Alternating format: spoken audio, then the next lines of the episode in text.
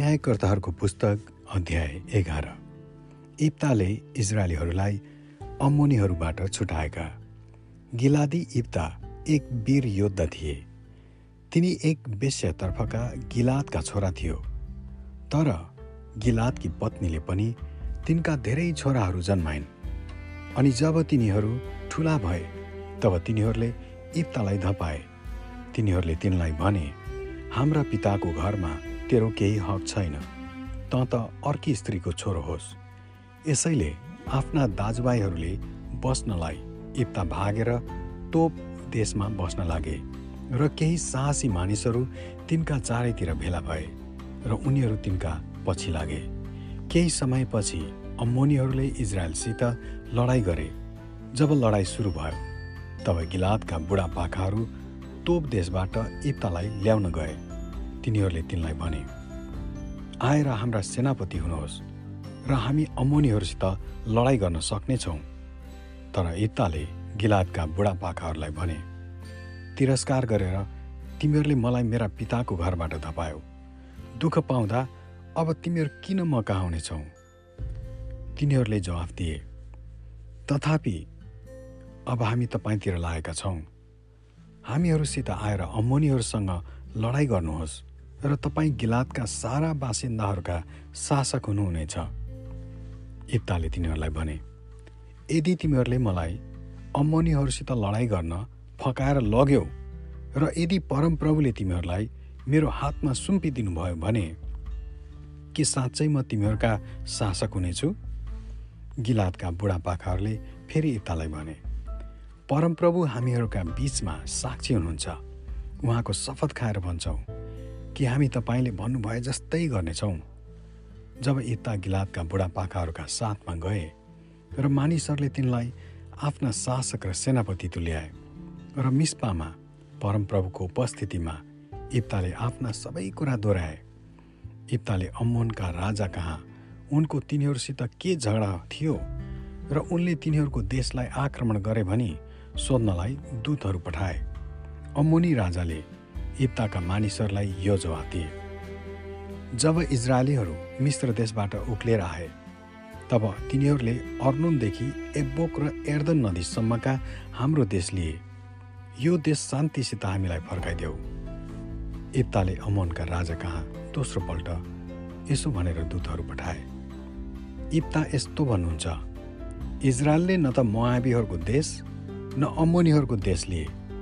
तर जब इजरायलीहरू मिश्र देशबाट उक्लेर आए तब तिनीहरू उजाड स्थानबाट भएर लाल समुद्रमा गए र कादेशमा पुगे। तब तिनीहरूले उनको देशबाट छिरेर जानलाई अनुमति माग्न भनी एदोमका राजा कहाँ दूतहरू पठाए।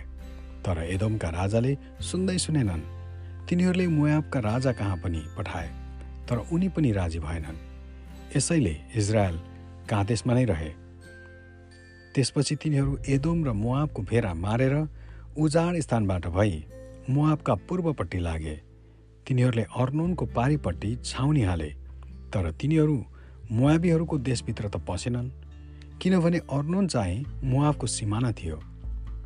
त्यसपछि इजरायलले उनको देशबाट छिरेर आफ्नो ठाउँमा जान पाऊँ भनी हेसबोनमा शासन गर्ने एमोरियरका राजा सिहोन कहाँ दूत पठाए।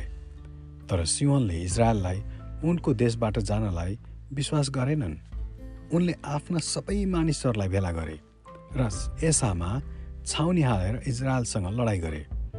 तब परमप्रभु इजरायलका परमेश्वरले सिहोन र उनका सबै मानिसहरूलाई इजरायलको हातमा सुम्पिदिनु भयो र तिनीहरूले उनीहरूलाई जितेर त्यस प्रान्तमा भएका एमोरीहरूका जम्मै इलाका अधिकार गरे। तिनीहरूले अर्नोनदेखि एबोक्ससम्म र उजाड स्थानदेखि एर्दन नदीसम्मै एमोरीहरूका सबै इलाकाहरू लिए परमप्रभु परमेश्वर इजरायलका परमेश्वरले हाम्रो आफ्नो प्रजा इजरायलका भलाइको निम्ति एमोरीहरूलाई धपाउनु भयो अब यो फिर्ता लिन तिम्रो के अधिकार छ? तिमीहरूको देवता कमोसले तिमीहरूलाई जे दिन्छ त्यही लिन्छौ होइन? त्यसरी नै परमप्रभु हाम्रा परमेश्वरले हामीलाई जे दिनुहुन्छ त्यही लिन्छौ। अब के तिमी मुआबका राजा सिपोरका छोरा बालकभन्दा असल छौ र। के उसले कहिले इजरायलसित झगडा गरेर आक्रमण गर्यो र? तिन सय वर्षसम्म इजरायलीहरू हेजबोन अरोएर र तिनका चारैतिरका बस्तीहरूमा र अर्नुनका किनारका सबै सहरहरूमा बसे।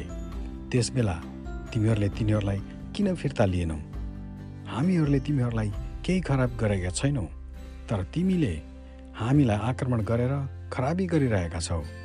परमप्रभु जो न्यायकर्ता हुनुहुन्छ उहाँले नै इजरायलीहरू र अम्मोनीहरूका बिचमा आजको दिन न्याय गरून्। तर इप्ताले पठाएको समाचारलाई अम्मोनीहरूका राजाले केही वास्ता गरेनन्। इप्ताको भाकल।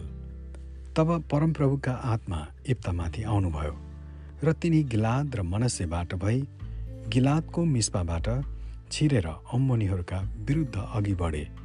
इप्ताले परमप्रभुलाई यो भाकल गरेर भने यदि तपाईँले अम्मोनीहरूलाई मेरो हातमा सुम्पिदिनुभयो भने जब म अम्मोनीहरूबाट कुशलसित फर्कुला तब मलाई भेट्नलाई मेरो घरको ढोकाबाट बाहिर आउने पहिलो प्राणी परमप्रभुको हुनेछ।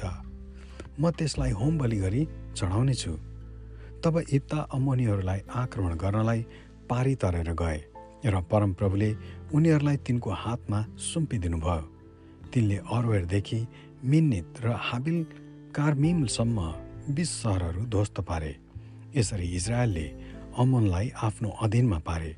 जब इप्ता मिस्पामा आफ्नो घरमा फर्के तब तिनलाई बाहिर भेट गर्न खैजडी बजाउँदै र नाच्दै तिनकी छोरी आइन्।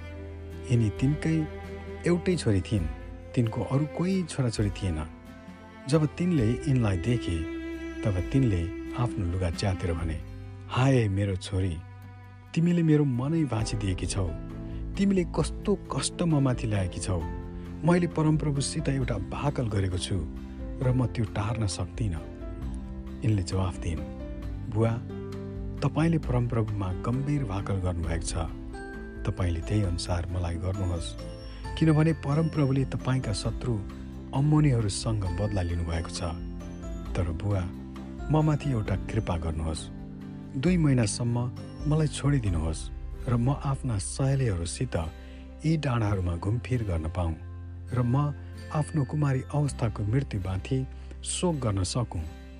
तिनले भने जाऊ। र तिनले तिनलाई दुई महिनाको निम्ति बिदा दिए। तिनी आफ्ना सहेलीहरूसित गइन् र डाँडाहरूमा आफ्नो कुमारित्वको निम्ति रोइन्। दुई महिनाको अन्तमा तिनी आफ्ना पिता कहाँ फर्केर आइन्। र इप्ताले आफूले गरेको भाकल पुरा गरे। तिनी कुमारी थिइन्। यसैबाट इजरायलका छोरीहरू प्रत्येक वर्ष चार दिनसम्म गिलादी इत्ताकी छोरीको स्मृतिमा बाहिर जाने एउटा परम्परा भयो। आमेन।